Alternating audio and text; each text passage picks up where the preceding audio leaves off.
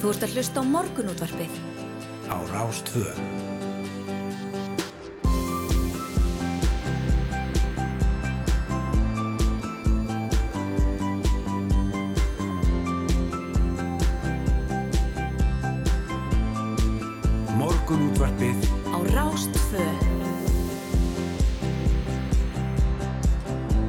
Bjóðum góðan dag hér í morgunúttarpinu 5. daginn 28. apríl. Hér setja Snæra Sindardóttir og Hulda Gerstóttir og við ætlum að vera með ykkur til klukkan nýju í dag. Jú, jú, bara allt eins og það á að vera hérna og uh, við vorum bara að koma okkur fyrir og, og blöðin að detta hér í hús og, og allt svona eins og við viljum hafa það svona snemma mótana. Já, allt gengur sem vanagang. Já, og þetta segja það. Við ætlum að- fjalla um allskynsmál í dag. Við ætlum meðal annars að ringja öst, í Austurhlíð og heyra þar í honum Trausta Hjálmarsinni, formanni deildar söðfjárbænda í bændasamtökum Íslands. Trubla hann aðeins á söðburðavaktinu og fá að vita hvernig gengur en nú er söðburður í gangi um all land. Já, emitt, um, við ætlum líka að tala við Svandís Svavarsdóttur, innviðara, nei, fyrirgeðu, matvalara því að verða ráfuru hefur hækka hratt undarfarið, fyrst vegna afleðinga COVID-faldursins en svo hefur stríðið í Úkrænu einnig gríðarlega áhrif á verð ímis að vara að borðu kveitis, olíu og sólblóman lesitíns. Það verðist, þá verðist reynlega erfiðara fyrir íslenska byrgi að útuða vörur að borðu kjúklinga og nautakjött vegna skorts sem aftur hefur áhrif á verð. Svandís ætlar að ræða þessi mál við okkur hér upp klokkan átta. Já, við ætlum líka að uh, heyra af nýjum samtökum um skadamingun sem að uh, bera heitið nafn, uh, Mattildur og voru formulega stopnuð í, í gær og það er komað hérna til okkar tvær Svala Jónisdóttir og Elin Guðni Gunnarsdóttir sem eru tvær af þremur stopnaðilum Mattildar og ætla að segja okkur aðeins meira af þessu, hvaða samtök eru þetta og, og hver er tilgangur þeirra? Emitt. En í gær þá samtækt í sveitisöfn Skaftarreps uh, umsókn um framkvæmdalegu vegna hnútavirkinar í hverfis fljóti en framkvæmdina var umdild á meðal náttúruvendafólks í héræðinu. Formaður eldvatna samtaka um náttúruvendi í Skaftarreppi, hún Ingibjörg Eiríksdóttir, kemur til okkar til að ræða afstöðu samtakana, gagvart virkininni, en eldvatn hefur meðal hann sagt framkvæmdina náttúru nýð. Já, svo ætlum við að halda áfram að kynna okkur ímiskonar útivist við höfum verið að skoða það, náttúruhlaup og, og fjallgöngur og ímislegt fleira fyrir fullorna undafarið en í dag ætlum við að byrja daginn á því að forveitna staðins um fjallgöngur sem að börn geta tekið þátt í hún valgerður hún búa dóttir leðsögum aður hjá ferðarfélagi Íslands allar að líta við hjá okkur í morgunkaffi svona kortir yfir sjö og segja okkur frá fjallagarpa verkefni fjölskyldunar. Emitt, og svo steytist verulega í sveitistunarkostningar 14. mæ. Í gæri rættu við við síslumann á höfubrukarsvæðinu Sýrið Karlsdóttur um gang utan kjörfundar atkvæðagarislu sem hófstum miðjan þannan mánuð. En í dag ætlum við eins vera að heyra brotur nýjasta þætti kostningarhlaðarps RÚF X-2 þar sem meðal annars var rætt við Helgu Björg Lagstall, skrifstofustjóra og skrifstofu borgarstjórnar og þegar Holmfríðu dagni Friðjansdóttir frétta maður rætti við hana var starfsfólk ráðusins í óðaðan að undibúa kostningarnar. Já, við heyrum það svona rétt upp úr halv átta eftir frétta yfir litið þá þannig að það, það er ýmislegt á, á dasgrá hjá okkur í, í dag. Einmitt, eitt og annað. Um, ef að kíkja aðeins á blöðin. Já, við erum með morgunblæðið, fréttablæðið og bændablæðið í dag sem er uh, nýkomið út og, uh, og það er ennú bara á forsíðunni okkar maður sem við ætlum að ringi hérna á eftir hann, Trausti Hjálmarsson, Nú, Söðfjárbóndi, hann var uh, heimsóttur hérna í fjár og srið að sjá hann hérna með vænt lamp í höndunum. Og við heyrum betur í honum á, á eftir en síðan eru hérna tíðindi af garðirkjuskólanum uh, og síðastli, kemur fram að síðastliðin mánudag fengu allir garðirkjukennarar uh, skólans uh, á reykjum í Ölfusi uppsagnabref og Guðrjur Helgadóttir sem er starfsmentastjóri starfsmentanámstjóri skólans segir að þetta hefur komið mjög flatt upp á kennarana. Og fimm starfsmönnum var sagt upp í fjóru og halvu stöðugildi hjá Landbúnaðar Háskóla Íslands sem Garðirkjuskólinn heyrir undir. En nú er semst að verða þessa breytingar að námið þeirra færast yfir til fjölbrötaskóla Suðlands og þar með verða þessi störf lögð niður já. uh, það er ekki, ekki allir sáttu við þetta. Nei, nei, talandu um bændablaði þá er hér á síðu 20 í frettablaðinu við nýjan reitstjóra bændablaðsins. Þetta er vantarlega hennar fyrsta blað sem hún reitstýrir eða, eða hvað. Já, Uh, hún heitir Guðrún Hulda Pálsdóttir og er tekin við, sagt, nei fyrir ekki, hún tekur við stöður reitstjóra bændablaðsins í sumar samkvæmt Já. þessu hér. Fyrsta júni. 1. júni nákvæmlega. Uh, hún er miðlum ansi kunnug, hún hefur synt uh, margvíslegum störfum á bændablaðinu undanfærin sjö ár en segir að það sé rísastóra áskorun taka við þessu ja, stærsta fríblaða landsins.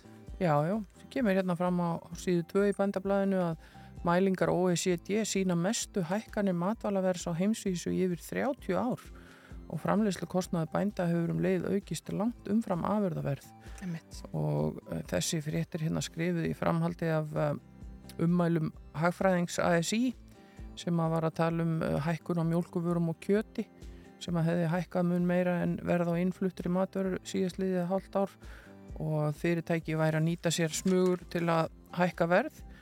En uh, þessi orð hafa ekki reyði meðal bænda þar sem þau stangast algjörlega á við verðþróun erlendis varandi kostna við matvælaframleyslu og alþjóðlega verðlastróun á undarförnum mánuðum segir hér. Mm Einmitt. En hér á forsíðu fréttablaðsins er uh, já, feiknulega sterk mynd eftir Anton Brink af honum Jóni Gunnari Jónssoni, forstjóra á bankursýslu Ríkisins. Hann satt fyrir svörum hjá fjárlæðanend Alþingis í gæri á Lárusu Blöndal stjórnamanni. Þetta er, uh, já, þetta er svona mjög sterk, uh, mjög sterk mynd af þessum manni, uh, flenni stór á, á forsíðu fréttablaðsins. En neðar er frétt sjálfstæðismenn ekki mælst neðar frá kostningum, þarna er átt við uh, sjálfstæðismenn í Reykjavík. Uh, flestir vilja sítjandi borgarstjóra áfram í því embætti, uh, en framsannflokkurinn fær þrjá menn kjörna. Miðflokkurinn tapar öllum sínum og sjálfstæðisflokkurinn tapar þremur borgarfulltrúum samkvæmt þessari könnun fréttablasins. Mm, mér skilst samkvæmt þessari könnun að samfélkingin mælist með 23,3% og bæti aðeins við sér frá síðustu könnun en tapi hins vegar fylgi frá kostningum og missi einn ein borgarfulltrúa. Viðrest tapar líka einum borgarfulltrúa en pírata bæti aðeins að vissi tveimur mönnum og meirlutinu borginni heldur því velli samkvæmt könnuninni.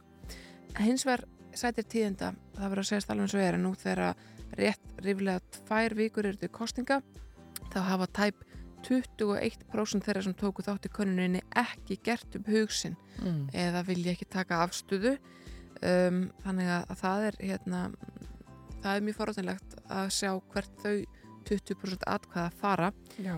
en 30% aðspurða vilja að Dagur B. Eggertsson verði áfram borgarstjóri. Hann neytur yfirbúrastuðnings í eigin flokki en kjósundur annara flokka nefna hann einnig oft. Já, hér í, í bændablaðinu er líka verið að tala um uh, opna daginn sem var í Garðurkjuskólanum á sömadaginn fyrsta.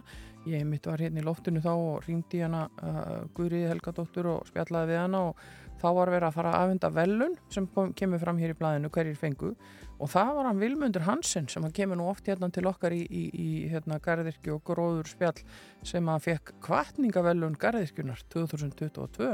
Ég segi nú bara vel, vel gert og verðskuldað. Emitt, Mm. Uh, já, svo er hér á síðu 2 í uh, fréttablaðinu mynd af hitafundi eblingar sem að fór fram í gær. Um, hann stóð ennþá yfir í gerkvöldi í valsheimilinu þegar fréttablaði fór í prentun það er eins og verður að segja frá því að tillaga uh, um, að, um að draga tilbaka þessar hópuppsögnar hún var felt Solveigana hún naut stuðningsfélagsmanna á þessum fundi Já og, og það er auðvitað að lesa um þetta inn á til dæmis rú.is og, og veðmiðlunum og svo held ég að þetta sé nú hafi náð þarna inn í mokkan eða ekki? Jú, þetta er stóra fréttina fórsu morgunværsins í dag á samt mynd og undir uh, stríðsfyrirsögninni tillagan felt Forma, já, hóp uppsagnar skrifstofu eblingar verður ekki dregin tilbaka eftir kostningu í gær. Formaðast það að mætingu langtíma veikra starfsmanna skjóta skökku við. Þessi, þessi ummali vöktu afskaplega hörð viðbröð á samfélagsmiðlum í gerkvöldi Já, en uh, við ætlum að fara að færa okkur yfir á fréttastofuna og fá fréttir hér á slæginu klukkan sjö. Við komum svo eftir inn og kíkjum þá á veðrið og, höldum dasgráni áfram. Þú ert að hlusta á morgunútvarpið. á Rástvö.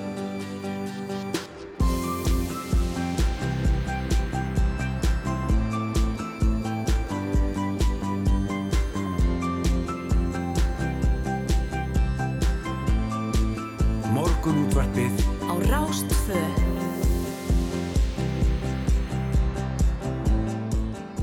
Við bjóðum góðan dag hér á Rástföð Hulda Geistóttir og Snæra og Sindradóttir sem að taka á mót ykkur í morgunútarpinu og við verðum hér með ykkur til klukkan nýju að venju og við vorum nú búin að hlaupa yfir það sem væri á dasgrá hjá okkur áðan en svona tökum létta yfirferð aftur. Við ætlum að heyra af uh, genginu í söðburðinum og spjalla við hann Trausta Hjálmarsson í Östurlíð sem er formaður deildar söðfjárbænda í bændasamtökunum. Við ætlum að heyra af nýjum samtökum um skadamingun sem að heita Mattildur.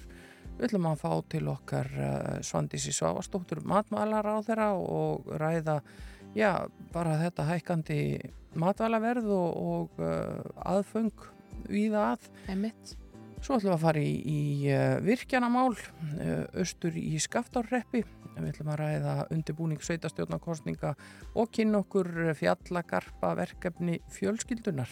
En uh, við áttum eftir að kíkja til veðus, Nærós. Já, það er, það er, sko, þetta er kannski svolítið ofnotaður frasi en þar fyrir ekki saman hljóð og mynd í Nú. mjög bókstalari merkingu á vef, veðustofunar. Það við. stendur hérna í hugleðingu viðfræðings frá klukkan hálf sjö í morgun að í dag verður líklega skýjað um landið vestanvert og með kvöldunum sé útlitt fyrir að úrkomubakki komi inn á land úr vestri.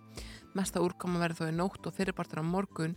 En ef ég horfi hér á kortið þá er bara glampandi sól allan hringin um, og sérstaklega núna með modninum það er að hægur vindur um landa allt sumstaðar bara engin vindur. Kvassast er í Bólungavík en, en hérna og Akureyri uh, svona upp úr hádegi. Og það vissulega sko dregur aðeins fyrir sólu hér seint í kvöld en uh, þetta hefur verið einhver neikvæðspjessi þarna sem að skrifaði spána í að þetta lítur bara gríðarlega vel út. Það er allavega mikið af, af gulum uh, sólum og þó maður renni sko bendlinum hérna fram og tilbaka í dag að, að þá helst nú svona þetta frekar bjarta yfirbræði yfir uh, langmestu uh, landinu. Emmitt, það er rétt bara rétt í kvöld sem að, að það geti farið að skikja og, og hérna, sem það gerist nú bara kvöldin hann ég bara Já. er alveg róleg. Og þessi vika lítur bara afskaplega vel út Já, það kólnar svolítið á sunnudag uh, fyrir norðan en, en hún, hún lítur afskaplega vel út að öllu öðru leiti já. Nú, uh, það er svo sem ekkert að frétta færð, við erum komin yfir þær fréttir en uh, það eru svona þessar helstu ábundingar eins og verið hafa verið undanfatna daga um hólur og, og slæmt ástand á, á ákveðnum vegum. Nú, það er verið að vinna að viðgerðum á veginum um Dynjandi seiði fyrir vestan og þar getur orðið tafir á umferð og vegurinn engungu færi fjórhjóladrifsbílum vegna örbleitu og það er verið að þó bólungavíkur göng þessa dagana vegfærandu beðnum að sína aðgátt og tillitsemi og uh, vegur nummer 717 uh, í Húnafyrði stendur hér. Mm. Hvar er það? Húnafjörður, Já. skal ég googla það fyrir Já. Er Húnafjörður er fjörður innan, innan af Húnaflóa, austast í fjörðurinn í Húnaflóa og afmarkast að vestan af Vassnesi og Aha. austan af Skaga. Hann er 10 km breiður og 15 km langur og þorpið blöndu og er við Húnafjörð. Já, og hann er lokaður vegna örbleitu. Lokurinn er frá gatnamótum á Vassnisvegi við Þorfinnustad og nærað borgarvirki og svo eru reyndirinn á rúndinum um Austurland, vegfærandi bennir að hafa það í huga og uh, fleira enn og ekki hér dreigið fram á vega vegagerðarinnar. Nei, er mitt. Eða kannski að fá smá músík bara. Já, ég var bara að hugsa um að, að hérna, vera svona í takt við hérna, veður spána á kortónum þar að segja, svona bjarsýnis nótum mitt. og uh, engin betri til þess en okkar maður Ká-Ká sem ætlar að, að syngja hér hafði engar áhyggjur. Ó, það er sem það er. Fer sem það fer. Ó, hafðu engar áhyggjur. Þú hefur ekkert val Um það sem koma skal. Við kjöklum og grátum og vælum og volum Með kvíð og ángist af komandi sorgum. Þú veist ekki neitt hvað verður á morgun. Óskrifa blað Og ef börnin í þig ónótum hreit og að þið sækir langtíma þreit og þig fer að langa fá þér í feita hvað er nú það? Ó, hafðu engar áhyggjur, lífið það er sem það er, fer sem það fer.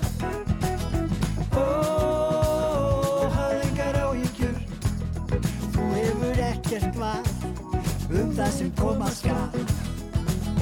Hlæ og slakk eins og púkar á rjáfri, ræ og rakka og tak og taka án þess að þakka og græta þig. Og þeir haga til sumir alveg svo dónar, snúa þeir nýður og nýða til skóna, rekja og svekja og kalla þig róna, halda mig sig. Ó, hafðu ekki áhyggjur, lífið það er sem það er og það fer sem það fer.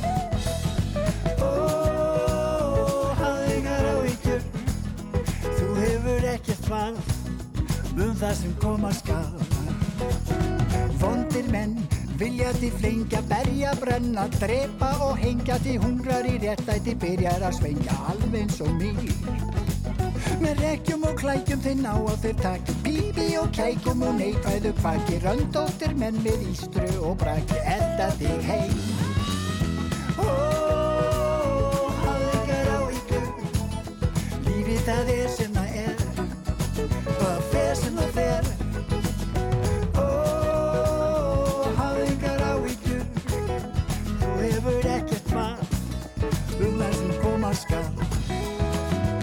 gefið til skil, þeir stendur á sama skikja á sólina, öllum til ama skilja okkur eftir arga og grama. Við rekum til sjós. En heimur er vondur og skilningsljór og sjóarbyr býður með ískaldan bjór og gleipir öll vandamál lítil og stór, draumur í dós. Ó, hafðu engar áhyggjur, lífið það er sem það er, og það fer sem það fer.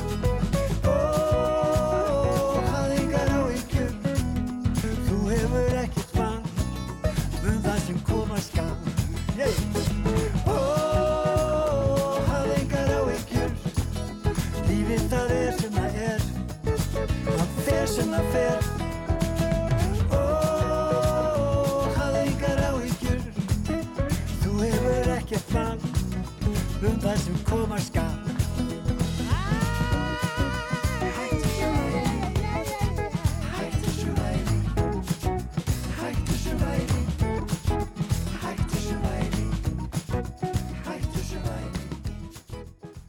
Þú ert að hlusta á morgunútvarpið á Rástvö. Já, hættu svo væli segi Káká ég held að það sé bara góðu skilabóð inn í daginn. Hafðu engar áhyggjur, þú ræður engu um þetta. Þetta fer eins og það fer. Nákvæmlega, ég ætlaði nú ekki að fara að væli þér sko, ég ætlaði að segja frá því að, umsögnum um vegabrif og síslumannum fjölgaði um 738% á milli ára. Ég held að, já, ekki bara 738 eintök heldur prósent prósent, já, nú er allir á teini með vegabrifin sín sko einmitt. Að þessu ári hafa 9400 mann sótt um vegabrif en á sama tíma í fyrra voru það 1270. ah, Þannig að, að hérna, þetta er auðvitað því að fólk var með útrunni vegabrif ekki búið að ferðast síðan fyrir faraldur. Já, og bara trassa það ábyggilega endur nýja þau því það sá ekki fram á að vera að fara nýtt Já, nákvæmlega. Það var bara þannig svo bara var búið fólk búið að panta fætti tenni, kíkir skúfur á upp og sví mm. það þarf að öndunni þetta og hún segir hér um, Sigriði Kristinsdóttir sem að er síslimaður á höfuborgarsvæðinu og var hjá okkur í gær að embætti hafi verulega fundið fyrir því undanfærið að uppsöfnu þörfsjá á vegabrifum þessa dagana geti byðindi vegabrifi verið lengri en hálftími eh, og bara gott betur en það. Ég hef heyrt um fólk sem hefur verið með tvo tíma. Um, en hún segir að við, þau ráður ekki fólki að koma helst á milli 11 og hálf 12 þess Já. að ekki endilega strax við opnun ok. Ég veit ekki ekkur það er en það, það er allavega það sem þau ráðleggja. Já, og svo þeirra búið að ráðleika öllum að gera það Ná, hvernig verður þá að koma klukkan 11 þá eða hálftól þá mæti maður 8.20 áttur nei, ég segi svona. Uh, en hún segir líka að það hefði ófáð komið á síðustu stundu rétt fyrir páska. Það voru hans Já. margar faraldsfærdi um páskana það var sést alveg eins og er Já, já, ég trúi því alveg. Það eru hér fréttir uh, frá Vesturheimi um, um mikla og langvarandi þurka sem hafa leitt til þess að einn stæsta vassveita bandaríkjana, Metropolitan vassveitan í Suðu Kaliforníu hefur líst yfir neyðar ástandi vegna vasskort já, sagt frá þessu hérna rú.is og þar eru 6 miljónir notenda kvött til að draga verulega úr vassnótkun sinni. Og fólk er meðal annars beðið um að takmarka vassnótkun utandýra eins og til að þú bíla, vökva, veri í sundi og svo framvegis við einn dag í viku.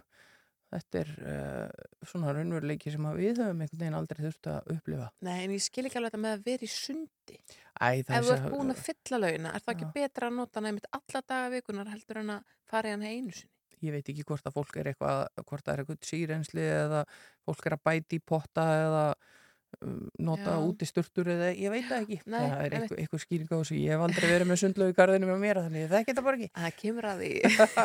kemur að því. En uh, við ætlum að halda áfram og uh, heyra hér næst í Bjartmari og Bergrissonum og uh, þar kemur fram uh, að konan á allt. Jú, jú.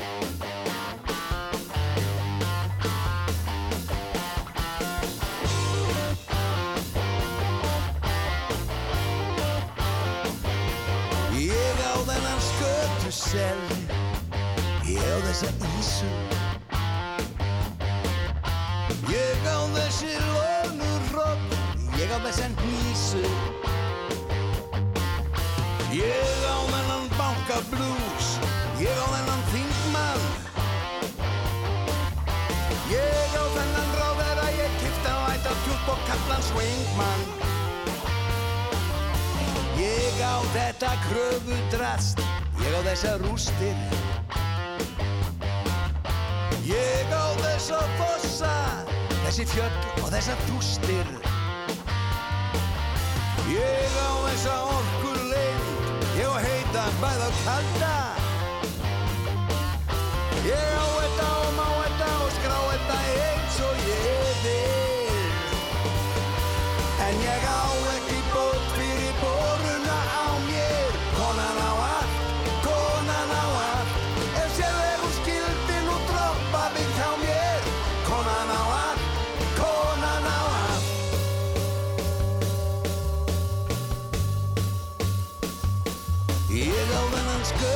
Ég á þessa ísu.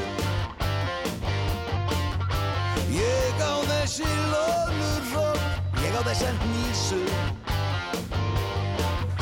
Ég á þennan banka blues Ég á þennan þingmann. Ég á þennan ráðherra Ég kipta á ættan tjúpp og kallan swingmann. En ég á ekki bók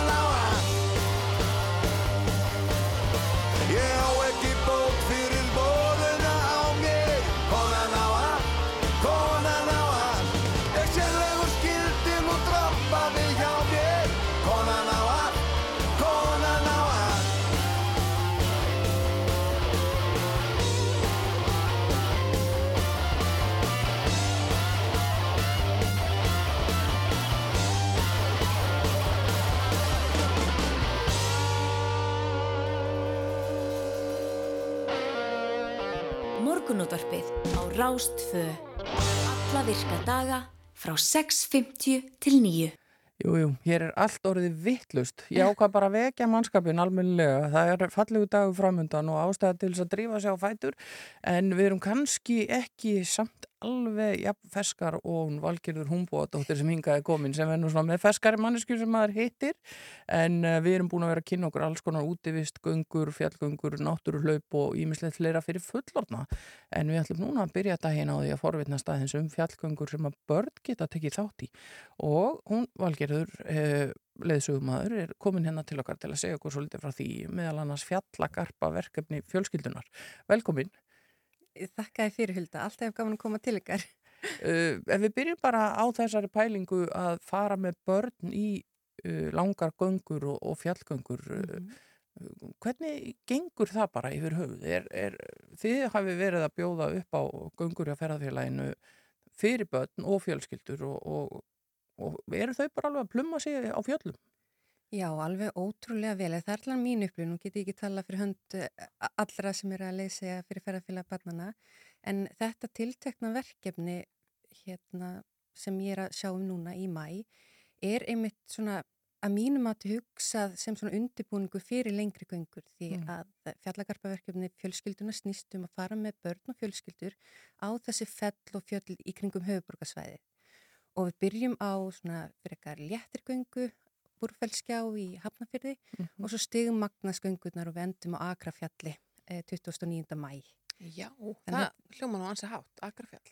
Já, þannig að ég gerir ráð fyrir því að það muni koma mörg ungbötn í fyrstu gönguna en, en svo kannski er, já, svo ve- verður bara, bara fóröldarnir að meta það hvort þau treysti sér með þessi yngstu á Akrafjall eða Mm. ekki. Þannig að það er alveg hægt að taka þátt í bara einni göngu eða öllum, það er bara mat fóröldarna. Ömmit. Sko ég sé fyrir mér að, að, að ég ætla bara að segja, ég hef einu svona farið með batnum mitt í fjallgangu og það, ég þurfti að múta þeim í ís alla leiðina og upp og niður. Það var bara, ég held við höfum talað um ís allan tíman að það var bara, ég get ekki meira og þetta var bara úlfarsfællið sko. Hvað hérna, eh, er það að segja börn séu ekki svona í fjallgöngum? Ég ætla alls ekki að segja það og mín börn eru, eru líka svona og stundum þarf ég múta sjálfur með mig í, stundum fer ég alveg í Ísbú Vesturbæðar beint eftir, eftir fjallgöngu, það hefur alveg komið fyrir. En eh, hérna, ég mæli með því að fóreldra leifi börnunum að velja nestið í þessa ferð Mm. og það er ekkert nesti sem er, er bannað í, í svona göngum og þegar við erum að fara eins og á laugavegin þá erum við að stoppa mjög reglulega og bjóða börnunum upp á einmitt bara það sem þau vilja, selgeti og já, og svo framvegist þannig að það er, hérna, maður minn hann kefti hérna svona hann fylgti tvekja lítra ísboks með nammi þegar vorum að leysa laugavegin í fyrra með ferðarfélag barnana og svo stoppaði hann bara reglulega og bauð börnunum að velja sér sitt uppáhaldsnammi eitt í einu og allan laugavegin Já, og endist, endist bóksið? það er rétt endist, Rétt endist. en fóreldrarnir fengu líka að, hérna, að, að velja sér nammi þannig að Okay. En það gengur nú samt ekki út á það kannski að vera með, með nammibarinn með sér. nei, alls ekki En sko, eru þið að miða við eitthvað ákveðin aldur þegar þið fa- farið með börn í, í svona göngur? Sko, Í þessar lengri göngur hjá ferðarfélag barnana þá er miða við 6 ára aldur en í þessar, þessum stittri göngu sem ég er að sjá um fjallagarpaverkefni fjölskyldunar Mm. þá er raun bara mat fóreldrana hversu ungböttu vilja taka með og það er náttúrulega að taka líka með svona burðaboka á bakinu Mm. þannig að það, En, en hvernig þurfa börn að vera skóuð fyrir svona ferðalög? Er, er, er fólk að kaupa gönguskó og börn sem að kannski vaksa upp úr þeim mm, bara hálfur og síðar?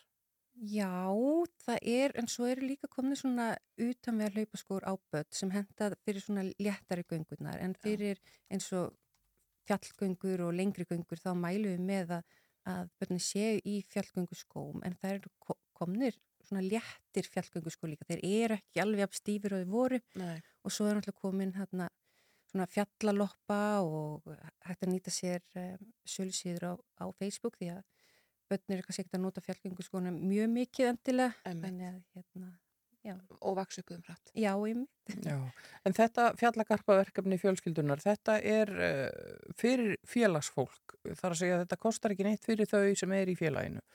Nei, nú ætlum ég ekki að fara að byggja fólkum að, að rífa upp skýrtinni í göngunum en, en hérna þetta er fyrir félagsmenn og það er, það er aldrei að senda skrá sig. Nei, nei, einmitt. Og ímislegt í bóði og þetta sagt, fyrsta gangan er á, er á Búrfell í Heiðmörk á, á á miðugdægin í næstu viku, uh, 4. mæ og svo kemur þetta bara hérna koll af kolli 11. mæ ætlið að fara á Reykjafell í Mórsfellsbæ uh, 22. mæ er það Hattur og Hetta og 29. er það síðan Agrafjallið og uh, er ykkur fjölda takmörk á þessu eða bara komast allir með sem vilja? Við hefum ekki sett neinn fjöldatakmörk á þetta, nei. Og við erum að, eh, eða valdi, valdi vísitandi svona svæði sem eru kannski það, sem er svona utan alfara leið, ég get orðað þannig, því oft getur bílastæði við Úlfarsfell verið eins og bílastæði í Hlíðafjalli á páskunum og sama gildir um, um esjuna. Já. Þannig valdi svona Reykjafell sem er bak við Úlfarsfell og Hattur og Hetta sem er inn í Krísuvík sem er svona litlu, litlu, litlu landmannalögar í mínum huga Já. pínu, pínu leðja, pínu bras en ótrúlega skemmtilegt svæði. Mm. Einmitt. Þú er nú komið til okkar áður og, og, og tala til dæmis um útilegur og, og svona útilegur á öllum árstímum. Uh, ertu bara komið núna, er planið bara komið í gang og þú verður bara í tjaldi út sumarið? Já, ég er einmitt að ljúka einu verkefni sem heitir FI með allt á bakinu núna í næstu viku og við erum að fara í okkar svona útskriftar útilegum helgina eh, hérna nálagt höfuborgarsvæðinu. Mm -hmm. Þannig að já. Það er engin miskun. Það er engin, Þú er að reyna að samfara mig um að koma með þér í tjaldi. Já, það verður vonandi haustverkefni líka aftur eftir mig allt á bakinu vonandi. Þannig að ég er, er velkomið að skráði hulda og, og snæru. Ertu með bara svona pop-up tjald, svona hendur og þá er það tilbúið? Eða þartu alltaf hverju helgi að bara þræða stanginnar inn í og... Ekki nóg með það. Svo kemur heim og, og grei nágrannarnir mínir Ég þarf að leggja undir með allt þurrkarbyggis í hérna sammegninni. Þú ert vinsæli nákvæmlega. Ég er mjög vinsæl. en, en fjallagarpaverkefni fjölskyldunar hefst í næstu viku. Það er mjög auðvelt að sjá þetta allt bara hérna og fylgjast með inn á Facebook síðu ferðarfélagsbarnana. Þannig ég mæli með því að fólk gerir það og svo er líka náttúrulega síðan ferðarfélagbarnana.is og fi.is fyrir ferðarfélagi þar sem er hægt að sjá all verkefni félagsins. En uh, takk fyrir að líta til okkar snemma dags, Valgerður Húnbúa dóttir og við segjum bara góða ferð og það gildir bara út sumari held ég. takk fyrir Hilda, takk fyrir snærið. Takk fyrir að koma.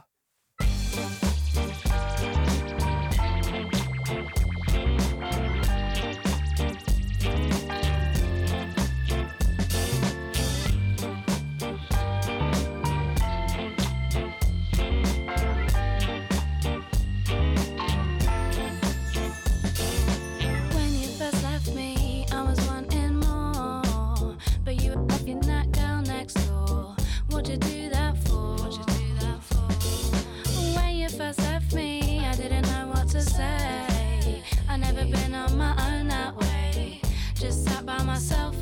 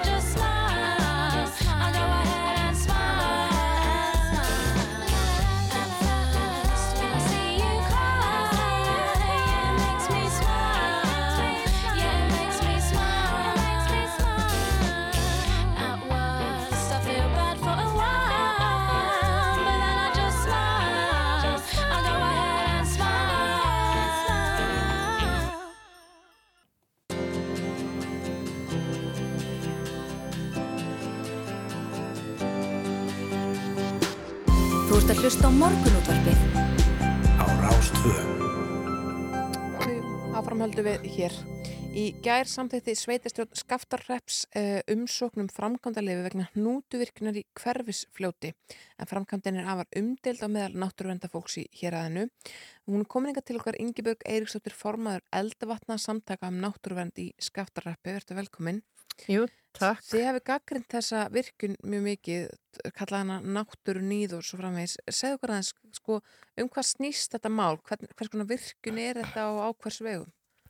Jú, þetta er virkun á vegum Ragnars Jónssonar sem er landegandi á Dalshauða í fljótskari sem er rétt fyrir austan kirkibæklustur. Uh, þar er fljót, hverfisljót sem er engin bæjarleikur, heldur jökullá úr síðujökli í vatnajökli mm. sem er alveg um skaftaróttarhaunu sem er innan við 240 ára gammalt. Það er að grafa sér þar gljúfur, við erum að tala um gljúfur í sífældri mótun og fossaröð sem er svo yngsta í heiminum. Uh, skaftaróttarhaunu sem er sko, þriðja mestarhæn sem hefur unnið að nútíma í heiminum og, og miklar og stórmerkar náttúru minjar sem okkur í stendingum reynilega ber að standa vörðum. Mm, Þannig á að virkja og hugmyndin er að hvað tryggja rafvörkarsvæðinu eða hvað? Tryggja rafvörkarsvæðinu, já, um það eru þetta mjög skipta skoðanir og, og mismunandi sín á það. En það er vissulega, já, það orð sem að fer til, já, er lagt sem raukstöningur við þessa fyrirhugðu framkvæmt uh, selja inn á, inn á kerfið og, og tryggja raförku uh, það er engin skortur á raförku hvorki skafturreppin í annar starf á Íslandi. Það þarf að tryggja að þarf að, styrkja netið afhendinguna. Mm. uh, það hefur verið bætt hún hefur verið bætt heilmikið á undanförnum fáum árum. Eh, bæði línur lagðar í jörðu í skaftaröppi og, og eins stendur fyrir dyrum að endur nýja spennivirki, stóra spennivirki á sveðinu og pressbakka á síðu. Og þá er í rauninni svona held ég þegar það er komið flestir eru leikar úr sögunni. Þeir sem til þekkja segja það líka fullum föttum að aðfendi gravorku í skaftaröppi sem að því besta sem gerist á Íslandi. Nú þar að auki þá þetta er, þetta er jökulfljót, hverjusljót, uh, það er ekkit vennilegt jökulfljót, það ber fram, ber fram á aðra miljón tonna sviförs á ári. Uh, fyrir vikið þá stendur ekki til að keira þessa virkun yfir heitustu sumamánuðina þegar framburður er hvað mestur og heldur ekki yfir kvöldustu vetramánuðina þegar vasturð er heldur til staðar vegna kvölda. Uh, það er nú kannski sá tími sem að, að afhending ramags er hvað stópilust vissulega kemur það fyrir, það er ramagslust í skaptarhappi eins og annar staður og, og veldi vandraðum, en, en þessi virkun er ekki að bæta það, það en, er ekki þannig. Hversu umfámsmikla framkvæmdir er þetta? Hvað þarf að gera til að virkja þarna? Nú það þarf auðvitað að reyðjast hana um þetta nútíma raun sem er vendað samkvæmt náttúrvendarlögum Uh, bæðið með vega að gera stíplugerð og, og, og fleiru. Svo eru þetta alltaf intakslón þótt að menn kalli eitthvað reynslisvirkjanir. Þannig að þetta er mjög mikið yngripp og það sem gerist þá líka það er verið að rjúfa hana mjög uh, viðtaka held viðerni landslagsheldir uh, vatnasvið sem eru bara einstök og mjög fáarðin óraskuð í heiminum. Mm. Þannig að þetta er mjög mikið yngripp og þetta er svona, svona með súklaðkökuna sko, leiður búin að pota í hana þá er hún ekki, ekki heil Nei. það er rauninni leiður búin að skemma hana að það er ekki bara þessi blettur það er rauninni heildin og það e, kemur skipulastofnun með annars inn á í sínu áliti mm. sem er bara fallengun sko. Í bókun uh, minnilutans í Sveitisson Skaftarreps í gær þá að tala um sko að ferðarþjónustan væri mjög mikilvæg á svæðinu mm. þar að segja í, fyrir reppin og svo framvegis yeah. um, en svo er hennar um landa allt sko er eitthvað ferðarþjónusta um akkurat þetta svæði er eitthvað fólk sem að sér þetta svæði? Uh, þetta gengur ekki allt út á fólk sko, það er náttúrulega náttúran sem er grunnurinn mm. og, og virðing fyrir henni uh, ferðarþjónusta er svo mjög ólíkum toga, það eru þetta blettir þar sem við reynum svolítið að samna fólki, skilur við draga fólk inn á til þess að við erum ekki með álag um allt og þetta er ekki slíkur staður. Nei. Eh, þótt að vissulega, skiplas ákverðin, það væri alveg hægt að leggja þarna vegi og stiga og, og þetta er mjög mikil fenglegt svæði að fara um. Hins vegar er þetta mjög mikilagt svæði í svona viðerna uh, ferðamennsku í, í lengri gönguferðum og, og, og þess áttar. Uh, þá er það ekki fjöldin sem er að fara um heldur, heldur ofboslega verðmætt fyrir þann hóp og, og skipulag ferðarþjónustu verður að vera slíkt að, að það séu slík svæði inni til staðar. Mm. Við erum að tala um kannski gönguferðir frá Laka, austur í Núpstaðaskó og áfram yfir skeiður á Jökul í Skaftafell til að mynda. Þetta er inn á því svæði uh, og bara, já, ímislegt sem að hægt er að gera þannig að verja dögum og njóta. Já. En, en í svona raunverulegri praktík, hvaða möguleika eiga samtöku eins og ykkar á því að stöðva svona framkvæmdir sem eiga, eru á engalandi? Já, núna þar sem að framkvæmdarleifið er að koma til, að sveitastöndin er búin að samþykja útgáfið þess, þá höfum við orðið tækifæri til þess að kæra. Eh, það munum við á samt öðrum náttúröndarsamtökum gera hygglust og, og það er engin skortur á, á, á greinum til þess að þetta fingur úti. Það er, eins og við segjum, það er einhvern veginn, það er svo ótalmart, einhvern veginn allt vittlust við þetta. Þetta er sérsagt að okkar skilningi og okkar menning, þetta er mjög alvarlegt brot á náttúruvendalögum sem það mun reyna á. Uh, það er verið að fara gegn álítið skipilagstofnunar um að ta umhverjus áhrifum Skipilastofnun getur reyni sagt það og beðum raukstunning því að það uh, sérst, sérstökvend sem er þá á bæði nútímarhaunum og fossum uh, 61. grein lagana gengur út af það að þú máttir en ekki hrópla við þessu nema sína fram að brína nöðsin og að almanna hagsmunir séu fyrir hendi. Á það hefur ekki, það hefur ekki verið sínt fram á það. Mm. Eh, Skipilastofnun Óskar eftir þessu raukstunningi og það kemur tilbaka frá sveitarstjórnar meirulauta eitthvað sem heldur einhver vatni að okkar mati. Skipilastofnun hefur síðan ekki stöðu til þessi raunin að fara í, í, í neina raukraður um það. Raunin bara, þetta heldur áfram, þetta fyrir gerna skipilag. Mm. Þetta er náttúrulega hlutir sem við munum þá já, gera aðtóðasamdi við raunin bara kæra núna í framhaldinu. Hvert, hvert kæriði? Það er til, sagt, hvað heitir það, hérna, úrskurðarnemnd umhverjus auðlindamála sem við kærum til að byrja með. Þannig að þetta ferli geti dreist eitthvað á langin og, og hérna, það er ekkit alveg orðið ljóst að þessari virkun verði þó að frangotaleifið hafi komið í gerð. Já, þessi virkun verður ekki meðan við stundum í lappinar. Það er bara skulum að hafa þannig. Það er bara þannig. En þú talaður um að það væri engin ramaskortur á Íslandi en, en þeir eru kannski ekki alveg samanlegaðir, já, þeir til dæmis fyrirtækja eigundur og, og, sem að þurftu að, að keira uh, veksmiður og jafnvel uppbytta, svæði með ólju í vetur. Einmitt. Það er náttúrulega snýst um aðfendingur aðmaks, ekki skort á henni. Er það? Landsökunni við talaðum já. sérstaklega fyrir auðvitað svo orkurskipting geta átt sér stað að þá sér af orkurskortur í landu. Já, ég teljum, nein, það, við hefum náttúrulega Íslandingar í fyrstfalagi aldrei kunnið að spara ramagn, ljós þarna inni í næsta herbyggi þótt að þess þurfi ekki. Eh, nei, nei, og ég held að sé nærtakar að slökka á einu álveri heldur, heldur en að reyðjast inn í frekari virkjana framkvæmdir svo skulum við líka hugsa til þess að, að tækni þróun er gríðarlega hröð og það er mjög sár fórnakostnaður að fara að taka meira land af kannski viðurnunum okkar sem að okkur ber að standa vörðum og, og við erum með stæðsta hluta af því sem að eftir að, stæðsti hluti þeirra sem eftir er í Evrópu er hérna á Íslandi mm. uh, getum illa kalla það græna orgu sem að krefst fórna þeirra. Og, og, og svo framveg sko, já, þessi hérna tækifæri til raforkusöflunar munu öruglega verða allt önnur innan fára ára.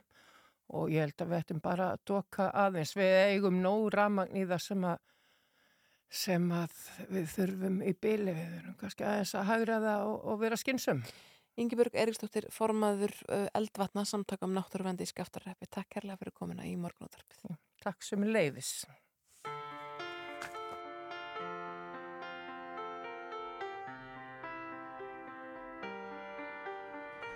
I let it fall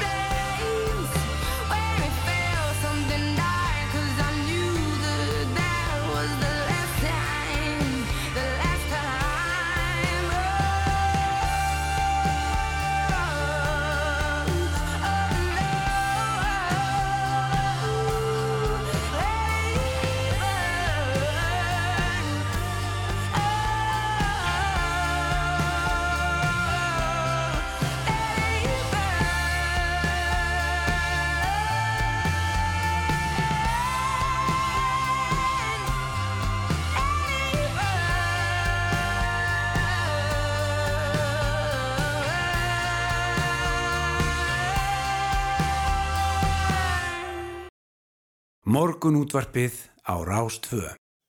Jú, jú, þetta var auðvitað drotningin Adele þarna sem söng uh, Set Fire to the Rain. Einmitt alveg geggjalag. En það steytist verulega í sveitisnarkostningarnar 14. mæ og í gæðir þá rættu við hér í morgunúttarpinu við síslimannina á höfuborgarsvæðinu það sigriði Kristinsdóttir held ég hún sé um uh, gang utan kjörfundar atkvæðagarisli sem hófst um miðjan þennan mánuð. Í dag ætlum við eins og að heyra brot úr nýjasta þætti kostningarhlaðarps RÚF þar sem meðan hans var rætt við Helgu Björg Lagstall, skrifstofustjóra á skrifstofu borg, borgarstjórnar. Þegar hólmfríði dagni friðinstóttir fréttamaður rætti við hanna var starfsfólk ráð, ráðhúsins í óðaönna undirbúa kostningarnar. Skulum heyra þetta. Og þá erum við komin í Ráðhús Reykjavíkur þar sem við ætlum að ræða við Helgu Björg Lagstall, skrifstofu stjóra, skrifstofu borgarstjórnar, er það ekki rétt? Jú. E, þú ert allt í öllu í kostningaundibúningum, það ekki? Hvernig gengur? Það gengur bara alveg ákveðlega, við erum svona okkur veginn á, á tíma, e, byrjuðum að stemma í þetta skipti vegna þess að við vorum að undirbúa það að kjósa eftir nýjum kostningalögum. Þannig að við köllum yfir kjörstjórnin svona tiltölulega, svona nokkru mánuðum fyrr og erum bara búin að vera að skoða ímslegt og, og vinna með bæði ráðuneytinu og landskjörstjórna því að undirbúa þessa fyrstu kostninga að segja þessu nýju lögum. Og setja þessi nýju lög einhvern strykir reikningin eða hvernig það? Já, strykir reikningin það bara þau eru náttúrulega þannig að þegar að við byrjum undirbúkur það átt eftir að setja sletta reglugerðum Uh, þau eru þannig sett upp að það átti eftir að útfæra mjög mikið alls konar atriðum sem að er, það hefur gengið tiltölulega vel og hérna það reglugjörður sem eru komnar eru bara til, til fyrirmyndar og, og hérna einfaldast störfu okkar mikið en hérna svona um áramótið þegar við vorum að taka stöðuna þá var þetta pínu kvívalegt en, en hefur gengið vel. Og það er það, og við höfum sagt frá því fréttum að þessi til dæmis erfitt að manna út af þessu vanhæfisreglum. Getur þú sagt okkur eins frá því? Já, við erum náttúrulega, við erum búin að vera með það til hliðsjónar í svolítinn tíma og þetta náttúrulega, eh, kostningar í Reykjavík eru reysafrankvæmt. Við ráðum nokkur hundru manns um, og við höfum reyndar mjög lengi verið meðvitið um hæfisreglur þátt verið það að það hafa ekki verið einn strángar eins og eru í þessum lögum sem eru núna. Þannig að við vorum búin að láta allt okkar fólk vita að svona aðeins tjekka á sínu málu um allt þetta. Við erum að kalla inn til til að stóran hóp núna og erum að reyna að sjá til þess að við verðum að auka fólk ef það hlaupa upp á bæði þegar og ef fólk fyrir að fletta sér upp og svo framvegis eða, eða kannar hvort að það ekki er eitthvað eða er skilt einhverjum sem er í frambóði en ekki síst vegna Eurovision Ummitt, það hefur áhrif líka. Það hefur mikil áhrif. Og fólk er þá að hætta við á síðustu stundu að því að Ísland kemst áfram í aðalkeppnina eða, eða eitthvað þannig? Ég, við ætlum allavega að vera viðbúin því, ég meina við höfum gengið gegnum ímislegt. Það voru hérna kostingar fyrir einhverjum ál síðan, nú eru aðri betri því að rífa þau upp en ég. Þar sem að meir og minna öll ískra þjóðin var í Fraklandi að horfa á fótbolta, ætla ég að segja. Og þar gekk Íslandi vel og fólk bara ílengdist þar þannig að ég held að við höfum aldrei lendi eins miklu mönnu vanda eins og þá. En það gekk upp, þá ráðum við þetta. Og hvað eru það að ráða marga núna? Nú þarf ég í raun og veru kannski bara að fá að svona námunda á það en hérna við við erum með held ég alveg örglega ekkert sagt hátt í 600 manns í öllum stöðum sem við erum að ráði. Og það er meira en vennilega? Já, ég meina það er, svona, það er svolítið erfitt að segja til um það vegna þess að við erum með þessar kjörstjórnir og hverfiskjörstjórnir sen erum við með auka fólk og varamenn og upplýsingafólk og við erum með e, sendla og alls konar, sen erum við með talningafólk. Þannig að við eigum líka tækifæri því að færa svolítið til. Þannig að við gerum ráð fyrir að nýta alla þá sem við verðum með á lista á eitthvað nátt sko en það er ekki endilega þannig að sko, þú getur stólað á það að, að sitja í kjöstjórn, kannski þurfu að nota það í talningu. Mm. En jú, við gerum það fyrir því að nýta meira og minna alla þá sem við erum að lista núna. Þegar þú minnist á talningu þá var það ég fóð að spyrja, þótt að það sé kannski ekki alveg komið á reynd, en talja þig að nýju kostningulegin munni tefja fyrir talningu á einhvern nátt? Nei, ég sé ekki að nýju kostningulegin munni tefja fyrir talningu í Reykjavík vegna þess að uh, það sem að kemur fram mér í nýri reglugjörð umtalningu sem var hann sett núna eftir síðust alþekkiskostingar og í, í, í, hérna, með stóði í nýju lögunum. Þar er í raun og veru, sko í henni er í raun og veru bara kortlögð aðferðin sem við höfum notað í Reykjavík og okkur gekk lítum mjög vel í síðustu alþekkiskostingum að talja. Við erum eina sveitafélagið sem hefur, sko við höfum streymt beint frá talningunni Þannig að við tókum ákvörðunum það í raun og strax eftir síðustu alþekkiskostingar eftir það sem kom upp þá. Eða staðan fyrir að slökk á streyminu þá ætlum við bara að láta það ganga eftir að við innsiklum og klárum og förum. Það er bara svona lítil breyting sem getur skipt máli. En nei, við höldum bara okkar streiki, okkar talning núna verður alveg með næstu því með sama sniði og, og í síðustu alþekkiskostingum. Mm. Og við gerum það ráð fyrir því að halda svipaðan tíma, þráttur í það við séum með náttúrulega alla reykjaugöndir núna, við vorum með skipti tvent síðast þess að í alþjóðskostingunum mm. og þá erum við að gera ráð fyrir því að geta mjögulega byrt sko fyrstu tölur bara í kringum meðnætti og að klára svona fjögur, hálf fimm mm. Er meiri pressa núna á að hafa þetta rétt eftir talningaklúðrið en hann gæðsalappa í borganessi? Nei, ég ætla ekki að segja það pressan á það að hafa, rétt, hafa þetta rétt hefur alltaf verið mjög mikil og í raun og veru En við höfum oft sagt að hérna að einu tölurnar skipta máli eru lokatölunar og við höfum frekar þá bara dreyið að byrta fyrstu tölur og talið rétt og farið vel yfir og hérna til þess að geta skila bara fullkominu uppgjöri frekar heldur en að vera snögg til. Sko árið 2018 þá minnum mig, uh, leiður til mér, um, leiður til mig til villisa hjá mér en þá var kjörseðlinn að aðeins tefja fyrir ykkur og það ekki. Þið búist ekki við því núna vantilega með 11 frambóð. Nei, er, þetta er hálfrétt. Kjörseðlinn, var uh, mjög stór, nú man ég ekki alveg málin á hann, menn hann var alveg það stór að það munaði einu frambóði að við sko gætum ekki gert hann löglega með það reglur sem er í gildi.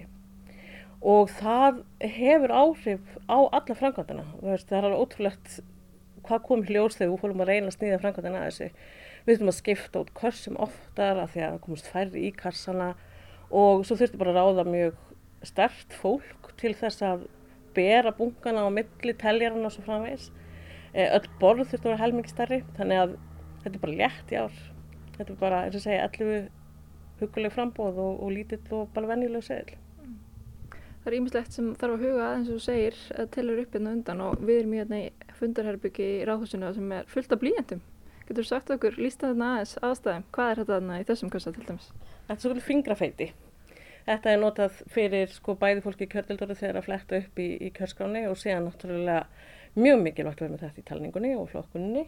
Þannig að það sem er að gerast hér er að við erum að taka fram kostningalagurinn okkar sem er gemdur inn í ráðursunni og hérna er og veru bara reytföng og uh, fánamiðar, pennaverski og náttúrulega blíjandar í, í hérna, faraldrinum. Þá þurftu að kaupa svo mikið blíjandum vegna þess að hver og eitt kjósandi áttur rétt að fá blíjand og það er nú eitt sem við þurfum vonandi, krossum pött ekki að hafa áhyggjur á núna, að passa upp á tvo metra og, og prívat blíjanda og, og, og spritt. Þannig við verðum með spritt að sjálfsögðu en, hérna, en þurfum ekki að tjálta til öllum blíjandunum sem við hefum. Hvað er svona það versta sem getur gerst kostningnótt? Ú, það má ekki segja svona. uh, ég veit það ekki. Ég, hérna, ég og fólkið mitt sem stöndum í þessu, við erum byrjuð með kostningadrauma og hérna, segjum fjálglega frá því á mótana. Mig dreymdi einu sinni nokkru dögum fyrir kjörta að ég hef glemt að láta sækja kjörkassana. Og við volum alltaf mætt hérna upp að kjörta þú voru engi kjörkassar. Og það eru alls konar, alls konar svona, ég veit ekki, ég ætla ekki að jinxa með að segja, segja eitt eða neitt. En hérna Já, nei, ég, ég get ekki, ef ég byrja að búa til eitthvað scenari að segja er eitthvað hægilega sem getur gerst, þá mögum við dreymum það í 19 dagi viðbútt, þannig að ég ætla, ég ætla að fá að sleppa því. Þannig að það komin svona kostningafyringur í ykkur? Mjög mikil, mjög mikil. Og svo náttúrulega líka við náttúrulega vinnum hérna í ráðursunu og starfum með borgastjórn, af því að þetta er tvöföld tilhlökkun, við náttúrulega líka að fá nýja samstagsfélaga og, hérna, og, og nýja borgastjórn, þannig að þetta er, þetta er sko tvöfald átak en tvöfald skemmt er líka náttúrulega Mm. Þetta er spennandi. Takk fyrir að spjalla við okkur í kostningarhlaðarpi Rúf Helga. Takk fyrir mig. Þú ert að hlusta á morgunútvarpið. Jú, gaman að þessu úr kostningarlagarpi Rúf X22, þetta var við til sem að Hólfrið Dagni Fríðanstúttir um, rætti við, eh, tók við Helgubjörg Lagstall skrifstústjóra og skrifstúra borgarstjórnar. Já, hér framöndan eru fréttur klukkan átta og að þeim lóknum kemur matvælar á þeirra til okkar. Jú, það er Svandís Sávarsdóttir, við ætlum að ræða við hann um uh, skort á hráfuru, verð á hráfuru sem hefur hækkað mikið, fyrst vegna COVID-19 faraldur sem svo að svolsögðu vegna innræðsvorunar í Úgrænu. Já, þetta og ímislegt fleira að uh, loknum fréttum hér hjá okkur í morgunútarpinu en uh, við ætlum að fara yfir í nokkrar auðlýsingar og skipta svo yfir á fréttastofuna. Þú ert að hlusta á morgunútvarpið á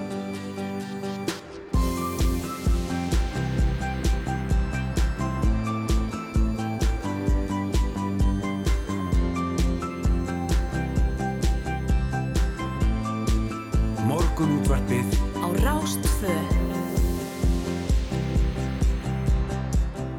Já, framhöldu við hér í morgun útarpinu ímislegt framundan hjá okkur og það eru Hulda og Snærhó sem eru með ykkur í dag. Við ætlum hér upp úr klukkan hálf nýju að fræðast um ný samtökum skadamingun og mannréttindi jaðarsetts fólk sem nefnd eru Mattildur og síðan ætlum við að sjálfsögðu að tjekka á söðburðinum og heyri honum trausta hjálmansinn í Östurlíð sem er formaður deildar söðfjárbænda í bændasamtökum Íslands. Og ætlum að trubla hann á söðburðavaktina á eftir.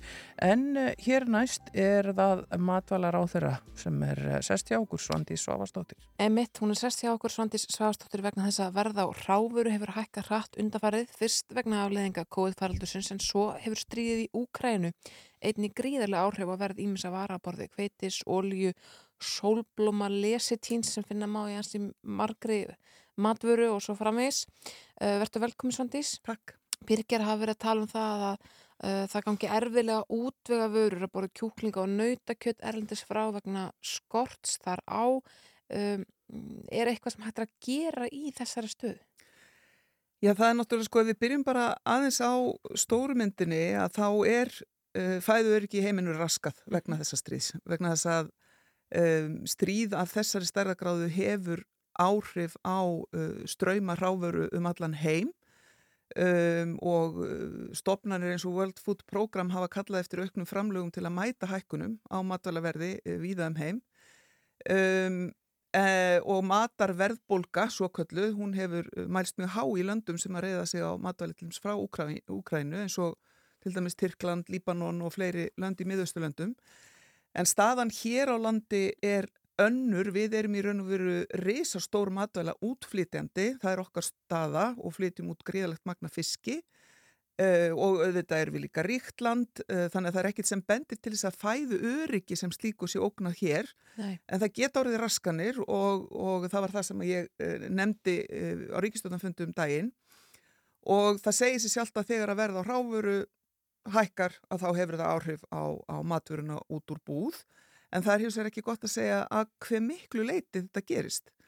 Um, við sjáum mjög miklar uh, hækkanir en, en síðan er það spurningum hversu mikil áhrif það er að hafa beinta matalaverðið um, og þá er mikilvægt kannski að, að sjá fyrir sér að, að það er sko hráfningskostnaður eru og veru bara hluti af þeir, því verði sem við fáum út úr búð og um, eins og til dæmis við getum bara nefnt uh, einfalda vöru eins og heimilusbröð mm -hmm. og, og hugsun bara um heimilusbröð, það er eitthvað sem allir þekkja uh, að þá er kveiti ekki stæsti hluti að verði heimilusbröðs um, uh, það, er, það, sko, það er ekki til íslenska greininga nákvæmlega á þessu en í bandaríkjónum þá er viðmiðið að ráfuruverðið dekki um það byrj 20% að verði bröðs eins og þarna væri Já. um að ræða Já. og ef að það er rétt að þá myndir 25% hækkuna á ráfuruverði hækka uh, 100 krónu bröðleif um 5 kall.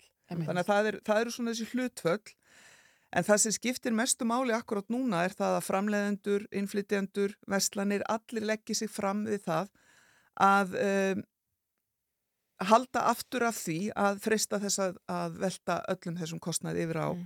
neytendur um, og ekki síst vegna þess að það eru meiri líkur en minni á þetta ástand gangið svo tilbaka. Sko það eru tvær mánuðir síðan að innrásin í Úkrænu hófst, innrás rúsa í Úkrænu hófst og Úkræna hefur verið nefnt svona bröðkarfa Evrópu. Um, ég var stött í uh, sko svona stórri verslun hér á höfbrukarsvæðinu fyrir nokkrum dögum síðan tók eftir því að kíló eða hveiti var á um það byrj 109 krónur. Það er mjög svipað það var bara fyrir árið síðan. Það hefur ekkert hækkanit gríðarlega mikið.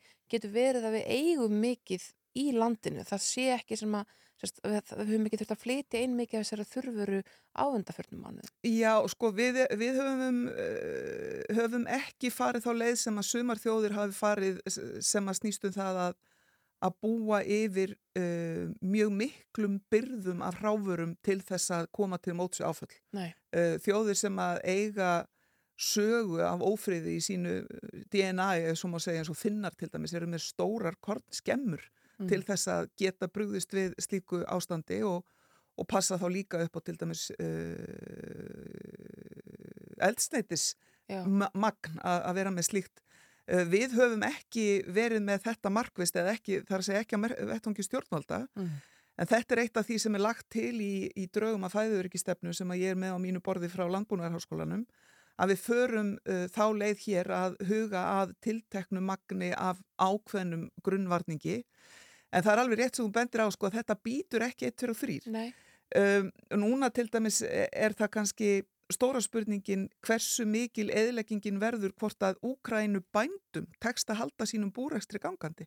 Uh, tekst þeim að uh, uppskera uh, af sínum ökrum. Það saminuði þjóðunar meta þannig að minnst kosti þriðjungur agra í Úkrænu verði ekki uppskortnir í sumar vegna stríðsins. Og þá um leiðir við farin að tala um umtalsverða breytingar Og svo er það auðvitað uh, önnur verð sem hafa kannski óbein áhrif eins og til dæmis orku og áburðaverð uh, og þar eru það viðskiptaþingarnar sem hafa á, áhrif með óbeinum hætti uh, og í gær var til dæmis skrúa fyrir aðfendingar á gasi til tvekja Európulanda frá Rúslandi þannig að þetta hefur allt svona keðiverkandi áhrif og svo er það líka bara viðbröð hverja þjóðar fyrir sig við stríðinu. Það er að segja, getur við aukið til dæmis ræktun sjálf, Mhm. getur við gert það rætt, geta stóra útflutningsþjóðir uh, sett á útflutningstakmarkana á matvæ- matvælum, sagt bara, heyrðu, við viljum bara passa þetta fyrir okkar fólk Já. og hefur það það áhrif á, uh, í öðrum löndum.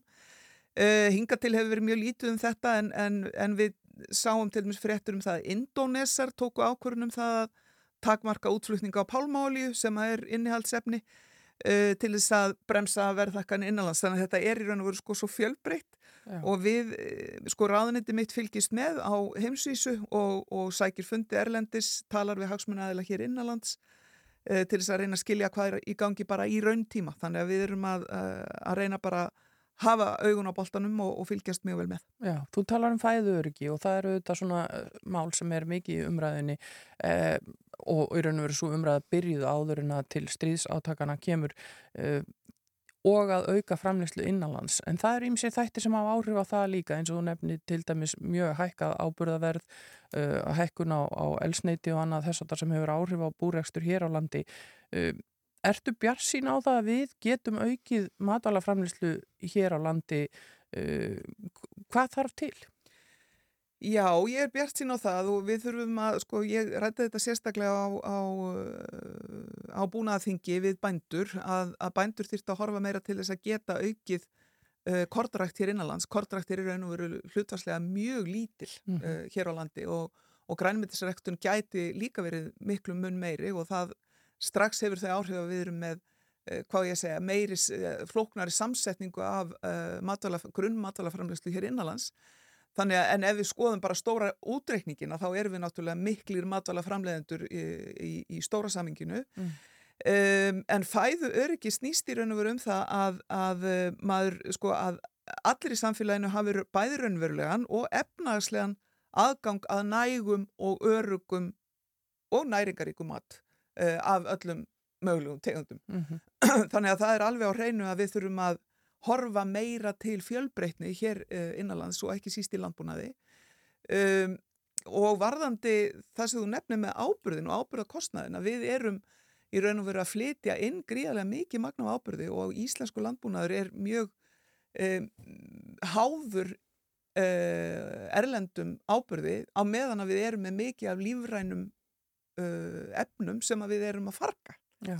það sem við gætum í raun og veru komið þeim efnum að hluta til inn í uh, ringrásarhagkerfið og, og þar með verið okkur næg um uh, lífrannin ábyrð. Já. En ef við tölum um annars konar ábyrð fyrir ekki, uh, erum við að tala um að ábyrðaverksmiða ríkisins þurfum við að rýsa upp á ný?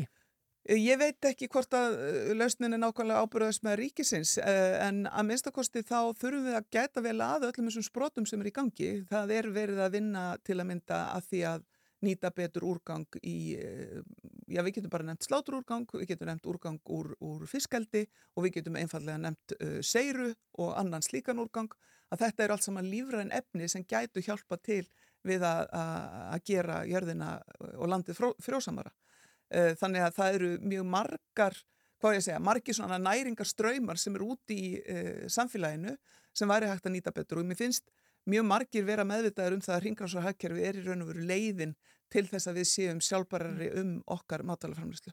En hversu hratt getur við komið okkur á þennan stað? Ég meina það eru tvö ár síðan að COVID-faraldurinn hófst og svona í upphafi hans þá fór maður strax að taka eftir einhvern veginn fluttningsleiðir voru Uh, ja, þar, þar, það auðvitað nekkir þar og, og á svona, tímum var svona, eins og það væri að verða vöru skortur en svo leiðrættist það og svo framvegis uh, hversu hratt getur við bröðust við til að verða sjálfbarari og hvað áhrif myndi það hafa sko á viðskipta hallan okkar eða útflutning, innflutning mm. og, og þetta hérna jafnvægi. Einmitt, um, sko að rétt sem hún bendir á að í COVID þá náttúrulega voru við horfðumst við í augu við það að það var, varð högt á aðfangakæðum ímsum og ekki síst þá varðandi sjúkragagn og ímslegt þvíumlíkt en líka að þér varðar uh, ráfurur, aðfang og, og annað slíkt. Það hægði skindilega á hlutum og það var núna bara fyrir áramót og í raun og veru vegna COVID en ekki vegna strísins sem að ég fór þess að leitið fjárlega nefnd að, að leggja til 700 miljónir til þess að greiða niður hækka ábyrðaverð til bænda. Mm -hmm. Þannig að það var í raun og veru komið bara uh, að völdum COVID mm. og er uh, vaksandi núna í þessu ljósi. Uh, hvernig reiknistæmi nákvæmlega lítur út þegar við erum orðin sjálfbarari það hef ég ekki á hraðbergi en það held ég að þetta sé meira sko, verkefni sem við erum að stefna að í öllu samfélaginu. Við þurfum svolítið að endurstilla okkur í þá veru að horfa til þess að við séum meira sjálfbær en um leið þá erum við þjóð í samfélagi þjóðana. Mm. Þannig að millilanda viðskipti verður alltaf stór hluti af okkar tilveru. Við sjáum það bara að við erum mjög háð útflutningi á, á fiskaverðum og verður, verðum það áfram og það er raun og veru eh, ein af styrkustu stóðunum undir okkar uh, velferð hér á Íslandi mm. uh, er svo milliríkja veslun. Já, en ef við snúum okkur aðeins aftur á landbúnaðinum, þurfum við að fjölga bændum, nú hefur endur nýjun í hópi bænda verið frekar hæg og það hefur bara verið erfitt fyrir ung fólk að, að fara út í búskap þarf að vera breyting þannig? Já, þetta er, þetta er eitt af því sem við erum að skoða þegar við erum að uh, leggja drög að endurskoðun búvorusamnings en endurskoðun er á næsta ári og, og við svona erum að byrja við að okkur hvaða kvata við viljum leggja inn í kerfið okkar. Uh, það gildir að sama í þessu eins og í öllu að meira er ekkit endilega betra, uh, heldur er betra betra og við þurfum að horfa meira til gæða heldur en maks og það eru mjög mörg tækifæri í landbúnaði að í fullvinnslu, í Um, nýsköpun, tækni, vöruþróun og ímsu þvíum líku.